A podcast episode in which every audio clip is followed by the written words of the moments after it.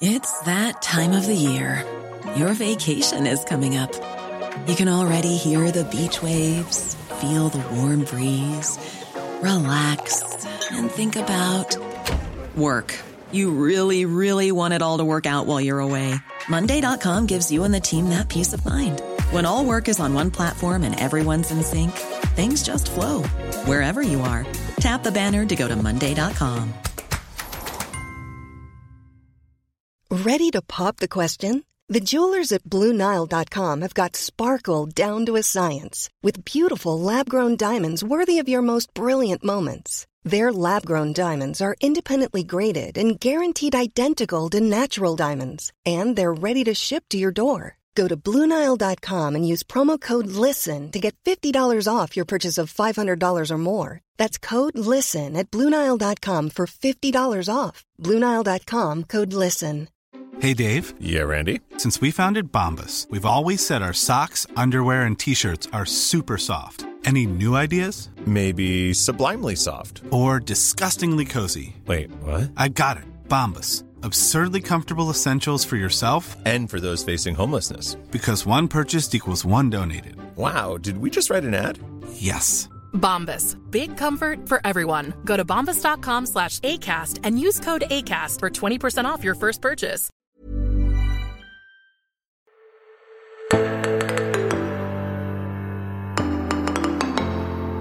Da er det en glede å kunne ønske velkommen til en ny episode av uh, Tore og uh, Tarjei. Vi er jo der at vi nærmer oss sommerferie etter en vår som ble helt annerledes enn vi hadde planlagt. Men i dag skal vi prøve å oppsummere litt av arbeidet med denne store Kristen-Norge-undersøkelsen som vi har holdt på med i et halvt års tid. Den er ikke helt ferdig. Det er et par spennende spørsmål som igjen skal avklares i de kommende ukene. Det sier vi ikke mer om nå. Men Tore Hjalmar Sævik, du er på ufrivillig hjemmekontor, ikke pga. korona i dag, men av helt andre grunner? Nei, det er trafikale grunner. Det var rett og slett ei bilulykke i dag som gjorde at trafikken fra Sotra låste seg fullstendig. Nå er jo ikke det noe helt ukjent scenario at uh, trafikken fra Sotra, altså i Øygarden kommune vest for Bergen, den går litt sakte? Nei, det er jo sånn når alle skal gjennom én flaskehals som er bru, da. Så, så, kan det ta litt tid når det er mange som skal der samtidig. Men vi venter på en ny bru. Venter på ny nasjonal transportplan etter hvert? Ja. Så det, vi har jo bare venta i Ja, det, det, jeg vet ikke hvor mange år. Det, det, det er mange år.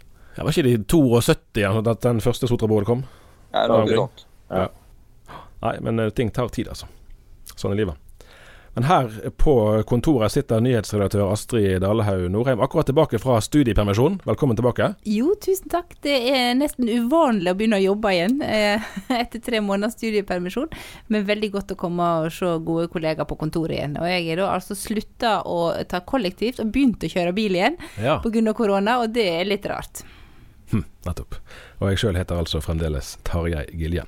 Du, det var jo sånn at eh, var det i desember, november-desember før jul i fjor, så fortalte vi at ganske mange i kategorien aktive kristne, altså da folk som går til kirke sånn ca. en gang i måneden eller oftere, opplevde at det var vanskelig å være kristen i Norge. Eh, det sier jo kanskje noe om en selvopplevelse, selv om man kan diskutere lenge og vel hva betyr egentlig det, og hvor vanskelig er det egentlig sammenlignet med andre land. Men den opplevelsen hos de spurte eh, sier jo likevel noe. Så har vi i månedene etterpå belyst en rekke forskjellige eh, saksfelt, spørsmål på ulike områder, eh, for å prøve å finne ut av hvor denne gruppen i befolkningen Vi anslår at den er på ca. kanskje et par hundre tusen mennesker. Ja, knapt det. Eh, knapt det, og da har vi ikke med de katolske Nettopp, Da har vi med protestanter. Mm. Eh, og, og, vi, og, vi, skiller mellom de som er medlemmer av et trossamfunn, for det er jo en langt større uh, befolkningsgruppe, det er jo det klare flertallet av befolkningen, eh, og da de som går mer regelmessig til kirke. Når du tenker tilbake, Astrid, er det noe som har gjort særlig inntrykk på deg, om det gjelder enkeltspørsmål, eller er det mer overordnet bilde når du ser de sammen? Ja, men jeg var jo veldig spent på hva, hvordan vi skulle bli kjent med de som er gudstjenesteaktive, og hva vi ville se. Eh, når jeg ser tilbake igjen nå, så tenker jeg nok at eh, det at eh, det, jeg ser et mer polarisert aktivt kristenfolk enn jeg egentlig hadde forventa. Jeg burde kanskje forventa det, men det er en del ting som forener. Men når det kommer til saker som klima og ekteskap for homofile og lesbiske, om de får lov å gifte seg i kirka, så ser man veldig tydelig at eh, man skiller seg. Og da mener du innbyrdes polarisert, eller, eller overfor samfunnet rundt? Nei, innbyrdes polarisering.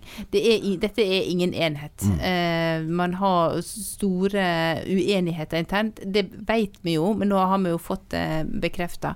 Eh, så jeg er eh, litt spent på Det vet vi jo egentlig ikke så mye om, men jeg er litt spent på hvordan dette vil eh, bringe oss videre. ikke sant? Er man bare uenig og jobber ellers godt sammen, eller er det s- fiendebilde her og ute og går, og at man eh, mistrur hverandre og eh, på en måte bekjemper hverandre, eh, i stedet for å, eh, å gå sammen videre. Det er litt spent på. Akkurat. Mm. akkurat.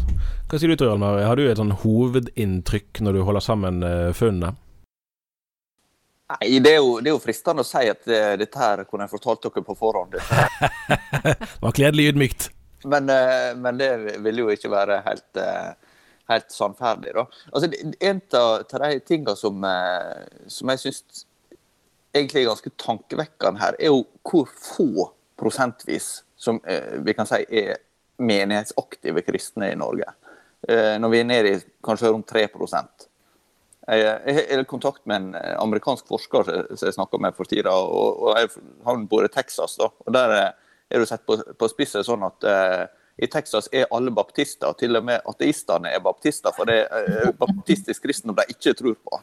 Eh, og Det er vel sånn Texas det var sånn eh, Flekkerøya eksponert, er ikke det? Ja, nei, men altså, I Norge så, så har vi jo egentlig veldig sterke kristne symboler og tradisjoner med statsreligion som, som besto iallfall fram til 2012, sant? Og, kirke i hver tettstad og bygd. Og du har ganske mange organisasjoner og institusjoner som er sprunget til et kristent eh, utgangspunkt. Men så er det da egentlig en veldig lite andel som aktivt eh, engasjerer seg i menighets- eller forsamlingsliv. Eh, og den, det landskapet er også da ganske mangfoldig, egentlig. Så, så der er en slags, eh, slags eh, virkelighet der som, som eh, jeg syns er nokså tankevekkende. da. Vi tenkte vi skulle se eh, konkret på et par-tre av spørsmål, særlig eh, fra litt forskjellige områder, som kan si noe om hvor denne befolkningsgruppen plasserer seg.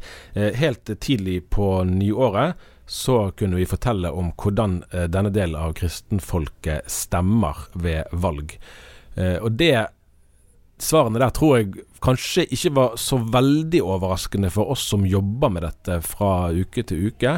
Men når det gjelder offentlighetens bilde av kirkeaktive kristne, så vil jeg tro at det bl.a. var overraskende å få høre at så få som 1,5% ville stemt, eh, eller stemte Fremskrittspartiet ved valget i 2019. Hvor overrasket var du, Astrid, over å se det tallet?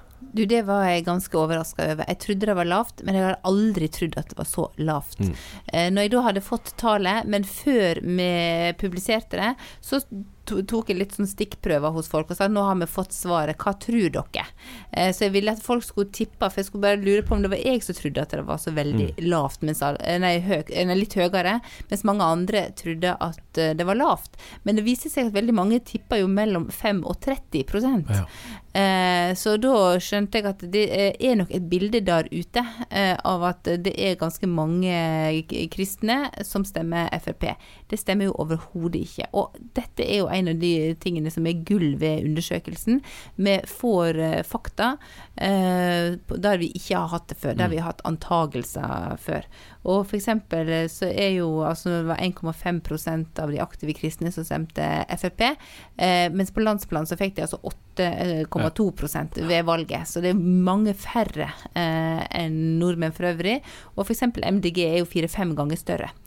Og det var på vei opp i høst, så kan godt hende om den veksten fortsetter eller ikke, det vet vet vi ikke helt, men eh, det er iallfall et eh, tidsbilde som er kjempeinteressant, og faktisk viktig eh, når vi gjør vurderinger. Ja, og, og man kan jo òg spørre seg hva dette bør gjøre med vår journalistikk. Dette har jeg jobbet med mange ganger i, i debattspalten, der det er veldig tydelig å se etter hvert at den fløyen da, som, som er i Frp-land, den er ganske tydelig og synlig i spaltene. Mens, mens den åpenbart da har flere offentlige stemmer enn langt større grupper som er helt usynlige i debattspaltene. Eh, Så jeg må, og vi må jo tydeligvis være mer aktive med å hente inn eh, stemmer. Det gjelder de som skriver sjøl, men, men eh, skal vi òg tenke noe om altså det bildet av at kirkeaktive kristne er mer høyreorientert, det kommer jo fra et sted. Og det kan jo være at vi gjennom dagens journalistikk òg har bidratt til å skape det bildet. Det kan godt hende, og vi merker jo spesielt under retningsvalget i KrF, så det gjaldt ikke, det gjaldt ikke Frp spesielt, men vi merker jo at det var mange Vi hadde mange blå kilder hos oss, vi måtte jobbe veldig godt for å få de røde kildene. Vi var veldig bevisst på det, gang på gang. eh, Veldig bevisst på det. eh, Men jeg tror dette er veldig eh, viktig for oss å ta med oss inn i de daglige vurderingene vi gjør òg. For vi har et ansvar for eh, kildebredde hos oss, og nå vet vi jo litt hvordan eh, ting ligger an. Mm, mm. Det betyr ikke at vi eh, Altså, eh, vi skal selvfølgelig dekke nyhetsbildet. eh, Og skjer det noe eh, interessant, så skal ikke vi la være å dekke det. Men vi må være obs på størrelsesforholdet både nasjonalt og i, eh, i Kristen-Norge. Var du overrasket, Tor Hjalmar? Et poeng der at, at uh, Carl I. Hagen sitt Frp er et annet enn Siv Jensen sitt Frp. Og det, det handler jo både om, om tid da, altså at Hagen eh, hadde jo sitt, sin kjente opptreden på, på Levende Ord i Bergen i eh, 2004. Ja. Uh, og, eh, og Siv Jensen er jo også ville hatt kontakt med de miljøene, men det har jo etter hvert blitt blitt uh, både sett noe i, i det kristne landskapet som gjør at de uh, måtte, miljøer som, som eh, var kanskje mest nærliggende for Frp å eh, hente velgere i, ikke er så eh, eh, store lenger. Og også at Frp har valgt å gå i en mer liberalistisk retning. Det så vi senest nå med at de i lag med Arbeiderpartiet og SV gikk inn for disse endringene i bioteknologiloven, som jeg vil tro de aller fleste aktive kristne, iallfall en veldig stor andel, vil, vil være ganske kritiske til. da. Mm. Så kan vi jo si at uh, altså, ande, eller, den de, grupperingen blant de aktive kristne som stemmer Fremskrittspartiet, så er det jo en viss altså en pinsekarismatisk tyngdepunkt. da, og Det var jo ikke helt tilfeldig eh, åpenbart at, at Carl I. Hagen besøkte nettopp Levende Ord. Nordkredokirken den gangen, uh, trosbevegelsen som det ble kalt, i hvert fall, var jo kanskje det aller sterkeste nedslagsfeltet for, uh, for Fremskrittspartiet, og er vel kanskje det til dels eh, fremdeles. Eh, men så er det jo samtidig interessant å reflektere over Eh, for Carl I. Hagen for eksempel, kunne jo ha en appell. Jeg husker jo min farmor sant, som var bedehusaktiv i hele sitt liv. Eh, likte han godt. Eh? Og det var òg en del i tradisjonelle lutherske miljøer som kunne ha både sympati med han og med, og med Fremskrittspartiet. Ja, og Hovedbildet her eh, er jo, eh, det må vi ikke glemme, det er jo at KrF har rent flertall. Og det, det, det vil jeg komme til nå, Ja. men det var greit å ha, ha sagt noe om det òg. At, at Frp-sympatien kan ikke helt begrenses til, til eh, de, de mest tydelige pinsekarismatikerne. Mm. Mm. Men så er det det som, som er, egentlig er det viktigste funnet. Altså Dette med Frp har vi snakket mye om fordi det var overraskende. Eh, Og fordi det sier noe ting som gjerne er, er motsatt eh, av, av det bildet man hadde. Men det klart viktigste funnet må jo sies å være at nettopp at, eh, at KrF har rent flertall i undersøkelsen. Både da de som er spurt om 15-valget, 17-valget og 19-valget. Eh, Det er over 50 altså. Det har gått riktignok fra 59 til 52. eh, Fra 15 til eh, 19. Eh, Men dette er jo i den tiden der KrF på mange meningsmålinger ligger under sperregrensen på 4% Sånn at dette, i hvert fall så blir jo det veldig tydelig at når det gjelder politiske sympatier, så er denne befolkningsgruppen veldig forskjellig fra velgerne totalt sett. Mm. Og dette er jo grunnfjellet eh, vi da ser her, eh, av de kirkeaktive kristne. Eh, mange av de i frikirke og i bedehusorganisasjoner. Eh, er du, var du overraska, Tor Hjalmar, over det resultatet? Egentlig ikke tro, altså, nå, nå, er det vel en del forskjell på forskjellige kristne miljøer med oppslutninga om, om, KrF, men jeg, men jeg tenker nå at eh, hvis du ser på eh, Jeg er jo ofte opptatt av å, å prøve å ha et internasjonalt perspektiv på eh, hvordan vi forstår oss selv i Norge. For, for mange av utviklingstrekkene som vi ser her, de er jo eh, ganske like i andre europeiske eller vestlige land.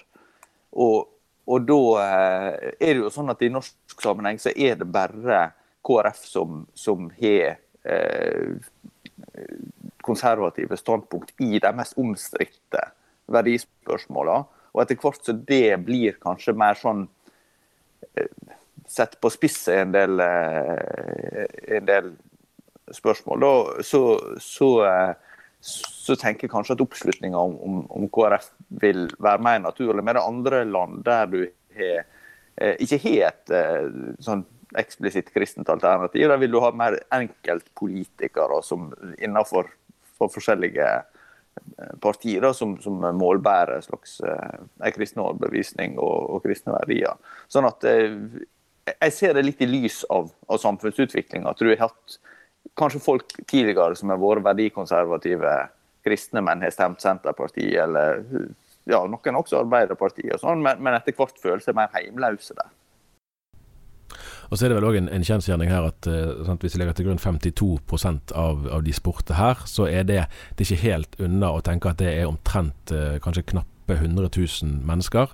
Og det tilsvarer jo ganske nøyaktig faktisk det antallet mennesker som stemte på KrF ved forrige valg. Og sånn sett kan man jo si at de egentlig ser sannsynligvis da et kristelig kirkeparti mer enn et kristelig folkeparti.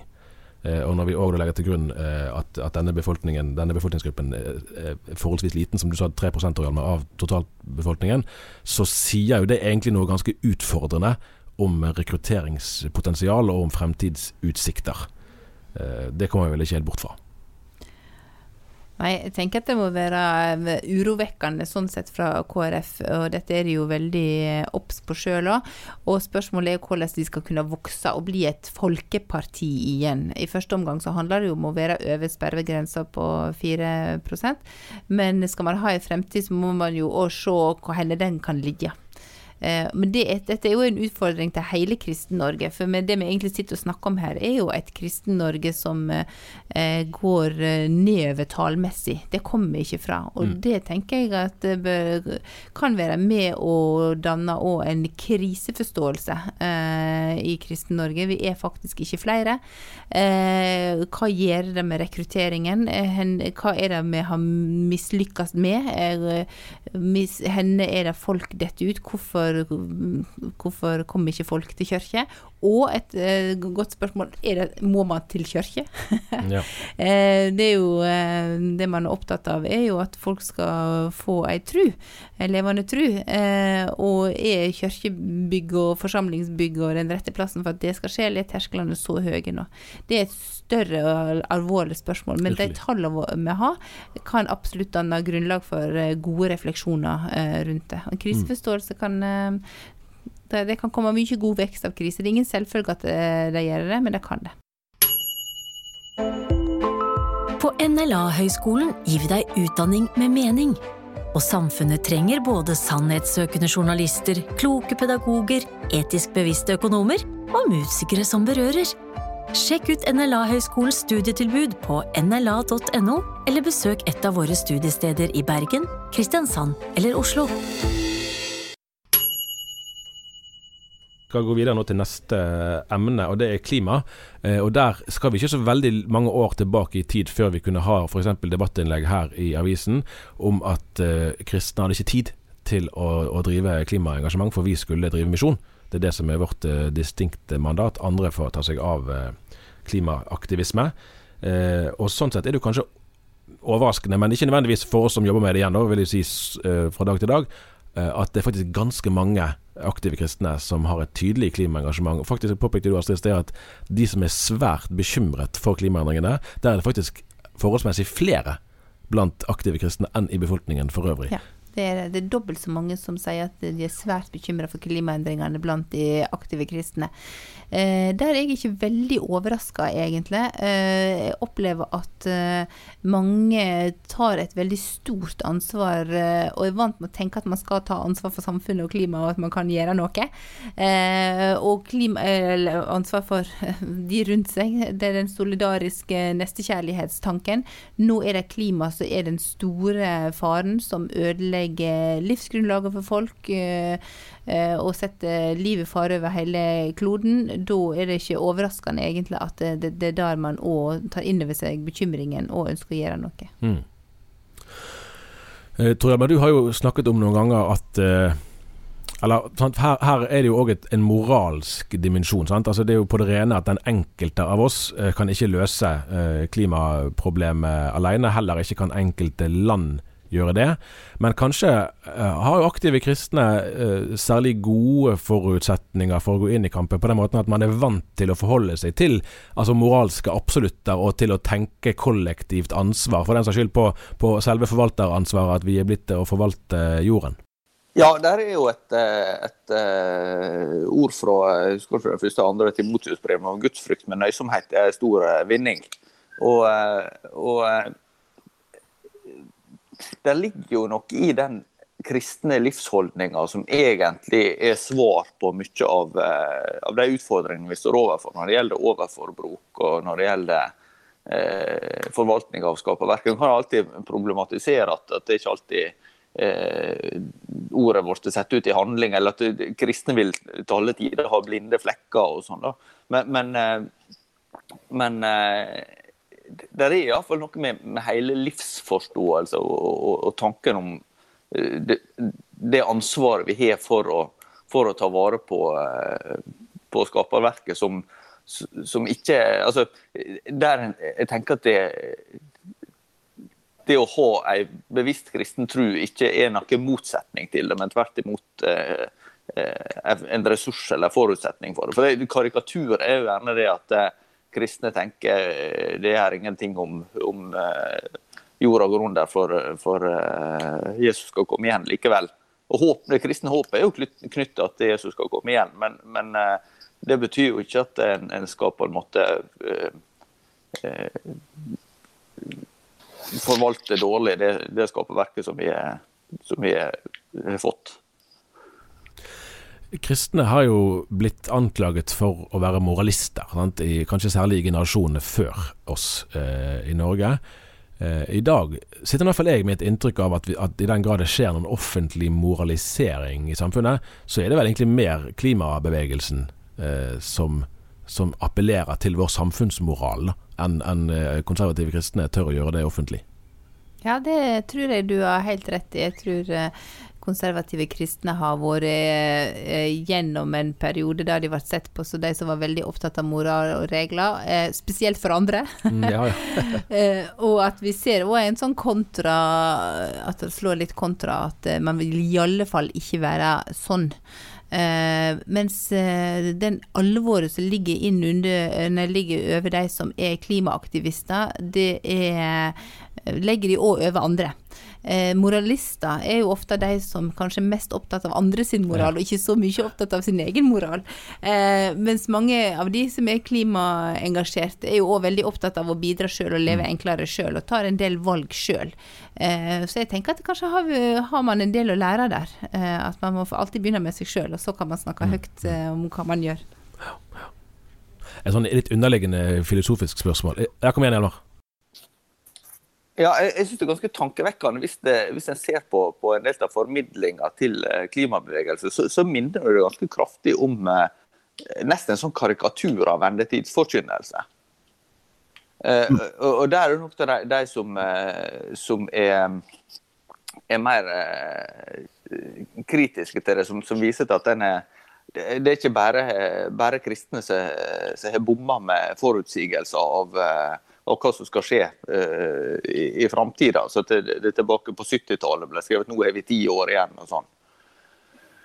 Uh, sånn at det, det, Jeg syns det er litt, litt, sånn tankevekkende med det nesten apokalyptiske i en del av, uh, av miljøbevegelsen. At det, det er noe slags ja, en slags parallell der, som jeg, jeg bare observerer det. Interessant. Nå ble vi litt eh, tankefulle her. Eh, Nei, det, det er en intensitet og en, eh, et alvor eh, som man kan kjenne igjen fra apokalyptisk forkynnelse. Um, så så da merker jeg meg jo òg i, i politikken så ble det sagt at det alltid er uh, utakknemlig å ha klimaministeren, fordi at uh, man uh, Aktivistene, eller de bak, de vil aldri være fornøyd. Så man, uansett hva man gjør, så er det ikke godt nok. Så man vil på en måte ikke få stemme eller få eh, oppslutning basert på å ha klimaminister. Og det er jo noe altså, Lista ligger veldig høyt, da. Det blir brukt store ord. Det blir opplevd som alvor. Akkurat. Da går vi videre til det tredje eh, spørsmålet som vi hadde tenkt å Eller du vil snakke si noe først, ja. Nei, altså, Det er jo noe med, med dimensjonene mer. at Norge utgjør under en promille av verdens befolkning. Sånn at eh, eh, vi, vi får jo kanskje sånn i lengda en utfordring med å tenke at om jeg tar eh, buss eller kjører bil eller om altså det, Der er noe der som, som eh, eh, sånn folkepedagogisk er litt vanskelig, da, tror jeg. Apropos det du sier, Astrid, med, med, med engasjement. For det er på ene siden et sterkt engasjement, og samtidig så er det en slags sånn avmaktsfølelse, tror jeg, med mange. Ja, men samtidig så tror jeg at det er ganske stor eh, gjeng mellom det veldige engasjementet og, og avmaktsfølelsen. Jeg kjenner jo litt på det når jeg setter meg i bilen og, og kjører til jobb i koronatida i stedet for å ta kollektivt, sånn som jeg, eh, jeg vanligvis eh, gjør. Eh, og det er jo litt sånn som eh, Det kan jo frata folk veldig ansvar og bare tenke sånn at jeg er bare én, og får ikke gjort så mye. Nei, Det har jo blitt påpekt det at, at selv altså alle i Kina tilhører jo òg et lokalsamfunn. Sånn at den, den, den balansen mellom individ og kollektiv den er jo aktuell eh, alle steder. eh, Slett ikke bare i, i små samfunn. Men ok, da tror jeg vi går eh, videre til det tredje emnet, og det er jo det emnet som i hvert fall uten tvil har vært mest debattert eh, her i avisen i mange år nå. Og da ble de som skulle svare på spørsmålet her, eh, eh, forelagt seg påstanden 'Jeg mener homofile og lesbiske par bør få gifte seg i kirken'. Eh, og der, der eh, er det jo flere ting å si om svarene. Det ene er jo at, at når vi spør da, og dette er jo fremdeles de kirkeaktive i Den norske kirke, så er det 45% altså nesten halvparten, som sier at de er helt enige, 10% delvis enige. Så det er egentlig rundt halvparten der som, som eh, støtter eh, den eh, påstanden. Mens i pinsebevegelsen, i Misjonssambandet, i Indremisjonsforbundet, så ligger motstanden på rundt 80 eh, prosent. Kanskje ikke overraskende, men men eh, altså, i flere frikirkesamfunn, baptistsamfunnet og metodistkirken særlig, så ser vi en utvikling som ligner en god del på den som har, har funnet sted i Den norske kirke. Eh, men altså i det lavkirkelige og frikirkelige Norge i hovedsak, så er faktisk det konservative tyngdepunktet tror jeg sterkere enn en del hadde antatt. Er det riktig å si? Ja, vi var jo litt spent eh, på de resultatene der. Eh, så jeg tror kanskje at det, det var sterkere ja, enn eh, det jeg hadde trodd og forventa. Men vanskelig å vite akkurat da hva en skal forvente. Eh, jeg vet ikke hva du sier, Tor Hjalmar? Nei, altså jeg tenker nå at med den vekta som det blir tillagt fra eh, de lovkirkelige organisasjonene og, og eh, frikirken, så, så er det jo tenker jeg, grunn til å forvente at, at det, der, er- det vil være sterk eh, motstand imot det. For, eh, og du skal ikke lenger tilbake enn til Jeg husker ikke om det var i ja, for rundt 25 år siden så var det et utvalg fra bispemøtet som som karakteriserte det å likestille eh, likekjønna og eh, samliv med ekteskap, at det vil være kirkesplittende vranglære. Og det, det var biskop, altså. Så, Jeg tror det var i 95. Tre biskoper som Ja. Og, og, og da sier noe om at dette her er, er ikke spørsmål som er litt sånn eh, Som en har definert som, som eh, eh, ting som er uklart, eller ting som er, eh, en kan, kan se litt forskjellig på. Men det har vært tillagt veldig stor vekt. Og der igjen så er det noe som vi ser internasjonalt, at det, at det har vært en sånn her eh, delelinje i, i mange land. da eh, som, som eh, det, det virker jo som at det kommer opp noen sånne spørsmål. Så det kan variere litt med, med tid og situasjoner, men, men som, som, blir en vel sånn demarkasjonslinje mellom måte, eh, det en ser som bibeltruskap og det en ser som vranglære, eller eh, som, som eh, ja, hva, hva ord en vil bruke. da. Og, og, her tror jeg at det, i og med at den saka er blitt tillagt så stor vekt, så, så eh, tenker iallfall i de sammenhengene at det er ikke så, så rart at motstanden er, er, tydelig. Men, men jeg er kanskje litt overraska til Den norske kirke at, at det er snudd såpass fort. da. Mm. Men det er jo gjerne en debatt som er gått der i en, snart en generasjon nå. Ja, det er sant det.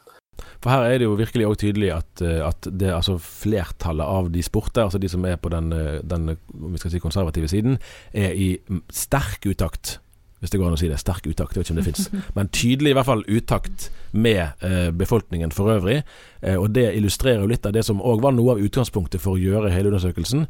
At vi, vi ville gjerne bli mer kjent med, med, denne gruppen i samfunnet, som man ikke blir kjent med bare av å se på undersøkelser som, som eh, retter seg mot befolkningen for øvrig, eller mot medlemstall i trossamfunn. Uh, så her ser vi jo en gruppe sant, på et antall mennesker 200 000 totalt, kanskje i store bokstaver. Her, i, dette vil jo det være lavere enn det, altså for det er ikke 100 eh, oppslutning. Eh, som opplever å, å være samvittighetsforpliktet til et standpunkt som er veldig eh, i veldig sterk kontrast til det som akkurat nå, på den tiden her av året Vanligvis hadde det vært gata gater med regnbueflagg og store markeringer. Nå er ikke det eh, utendørs så mye i år, men det er virkelig en tydelig eh, forskjell. Og det, og det, blir jo et av de områdene der, der, eh, vi vil få se i tiden fremover.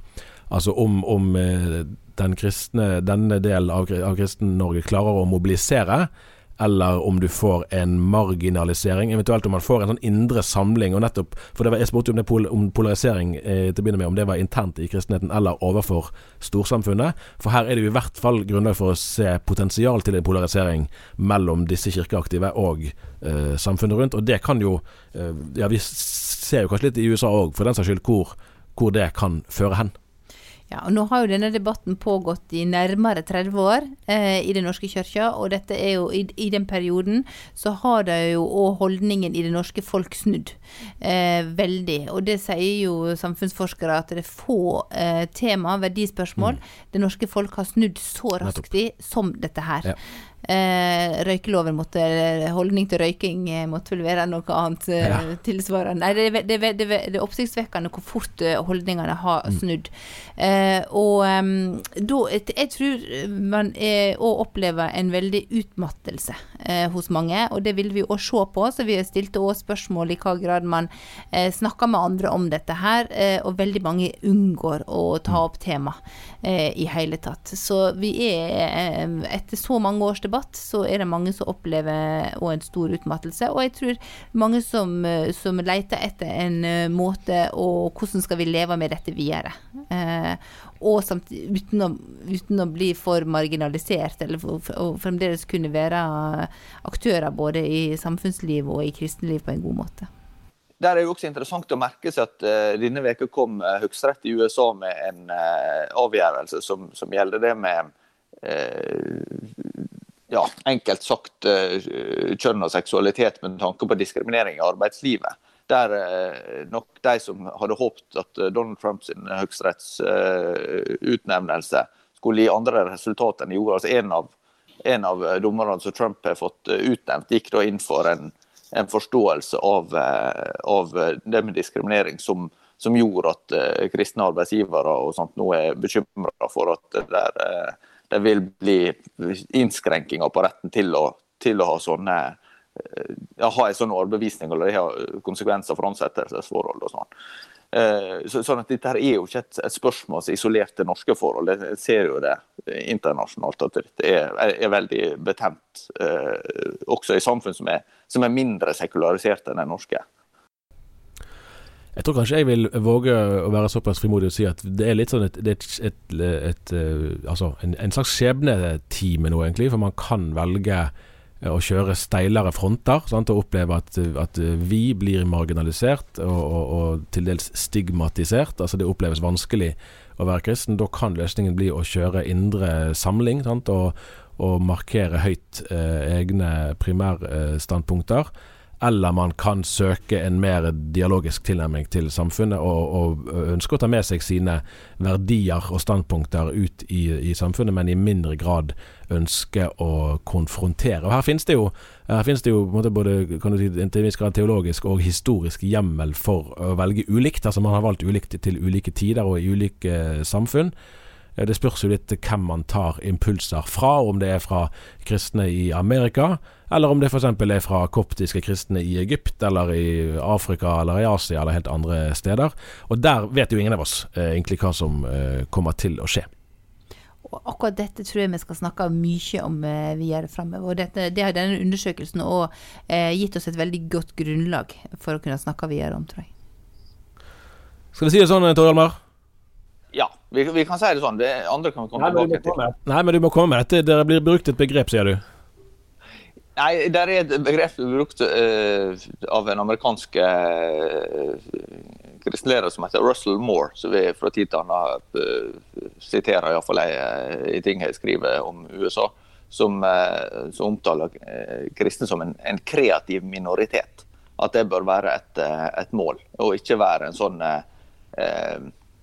ikke, ikke gro seg fast i en forståelse av at ting var mye bedre før men, men tenke på en måte hva kan det bety å leve som, eh, som kristne i dag, på en, på en, måte som både er å holde fast på den overbevisninga en har, og samtidig se, se hva muligheter som finnes i samfunnet, og ikke bare se på, på hva dører som er blitt stengt.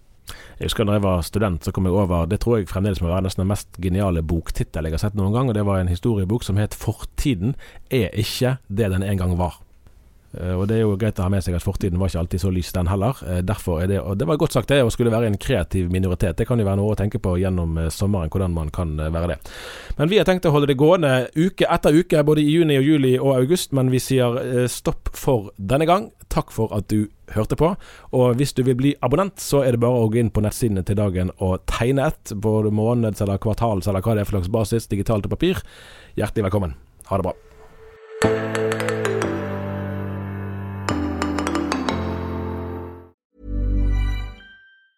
Normally, being a little extra can be a bit much, but when it comes to healthcare, it pays to be extra. And United Healthcare makes it easy with Health Protector Guard fixed indemnity insurance plans. Underwritten by Golden Rule Insurance Company, they supplement your primary plan, helping you manage out of pocket costs without the usual requirements and restrictions like deductibles and enrollment periods. So when it comes to covering your medical bills, you can feel good about being a little extra. Visit uh1.com to find the Health Protector Guard plan for you. Hey, it's Danny Pellegrino from Everything Iconic. Ready to upgrade your style game without blowing your budget? Check out Quince. They've got all the good stuff shirts and polos, activewear, and fine leather goods, all at 50 to 80% less than other high end brands. And the best part? They're all about safe, ethical, and responsible manufacturing. Get that luxury vibe without the luxury price tag. Hit up quince.com slash upgrade for free shipping and 365 day returns on your next order. That's quince.com slash upgrade. Hi, I'm Daniel, founder of Pretty Litter. Cats and cat owners deserve better than any old fashioned litter. That's why I teamed up with scientists and veterinarians to create Pretty Litter.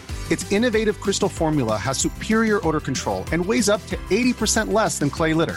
Pretty Litter even monitors health by changing colors to help detect early signs of potential illness. It's the world's smartest kitty litter. Go to prettylitter.com and use code ACAST for 20% off your first order and a free cat toy. Terms and conditions apply. See site for details.